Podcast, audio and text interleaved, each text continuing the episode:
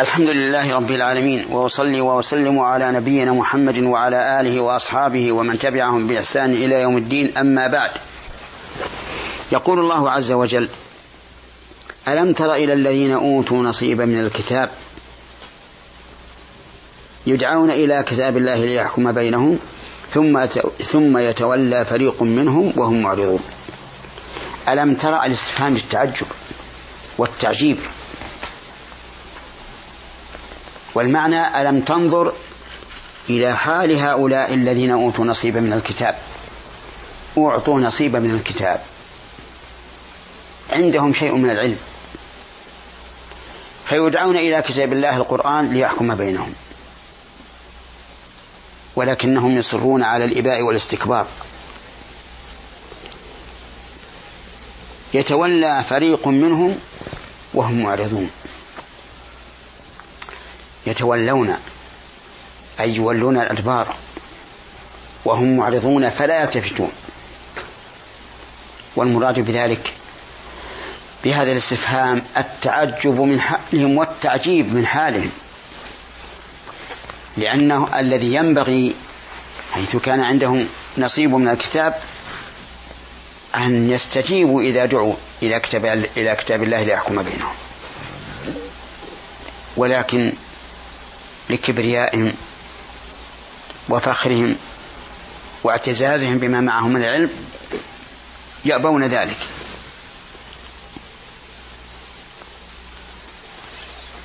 وأول من يدخل في هذه الآية اليهود.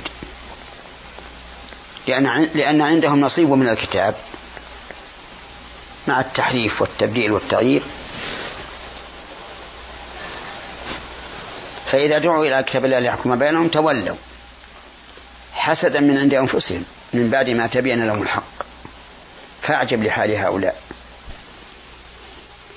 وهذا التولي الذي يقومون به تولي من ليس عنده نية في الرجوع. ولهذا قال وهم معرضون لا يلتفتون. من فوائد هذه الآية الكريمة وأحكامها القدح في حال هؤلاء الذين عندهم علم من الكتاب ثم يعرضون عن الحق.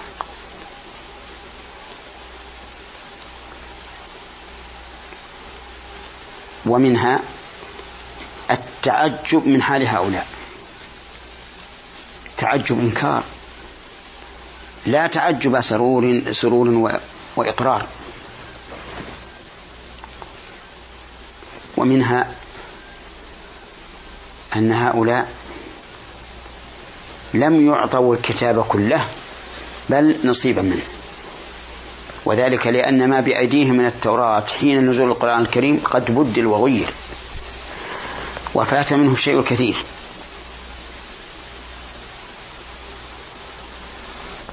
ومن فوائدها وأحكامها أن هؤلاء يدعون إلى الحق لا من طرف واحد.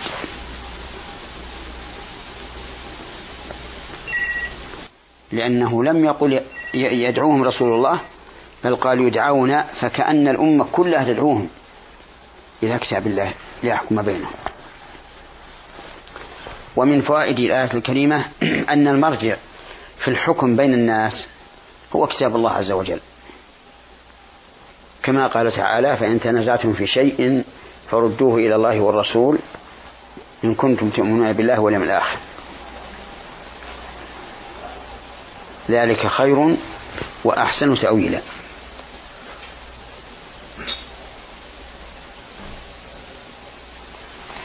ومنها إضافة القرآن إلى الله تعالى.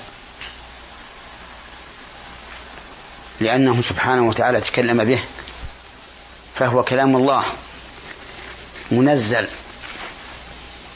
على قلب النبي صلى الله عليه وعلى آله وسلم ليكون من المنذرين بلسان عربي مبين. ومنها أن هؤلاء الذين يدعون إلى كتاب ليحكم كتاب الله ليحكم بينهم بعد أن يفكروا ويقدروا يتولون. لأنه أتى بثم الدالة على التراخي بمعنى أن الأمر لم يفجأهم لم يفجأهم. بل فكروا وقدروا ثم تولوا. ومن فوائد هذه الآية أن التولي ليس من الجميع. بل من فريق منهم. ولهذا أسلم من أسلم, من أسلم من اليهود كعبد الله بن سلام رضي الله عنه ومن النصارى كالنجاشي. فليس كلهم أعرضوا وتولوا بل منهم من اهتدى وعرف الحق.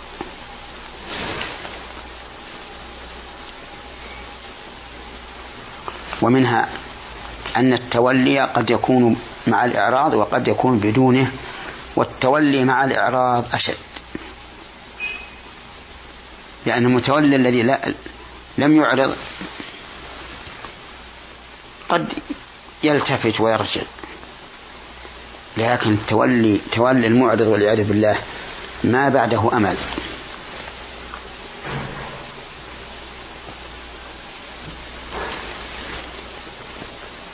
ومنها أن الواجب عند التنازع الرد إلى كتاب الله عز وجل. من قوله إلى كتاب الله ليحكم بينهم.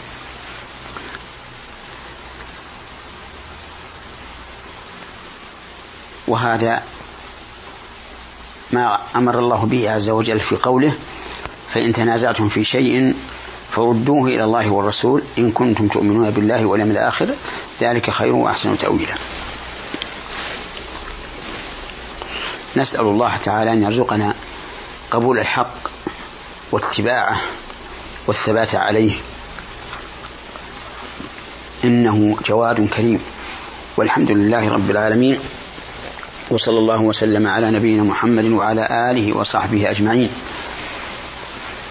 وإلى حلقة قادمة. إن شاء الله تعالى. والسلام عليكم ورحمة الله وبركاته.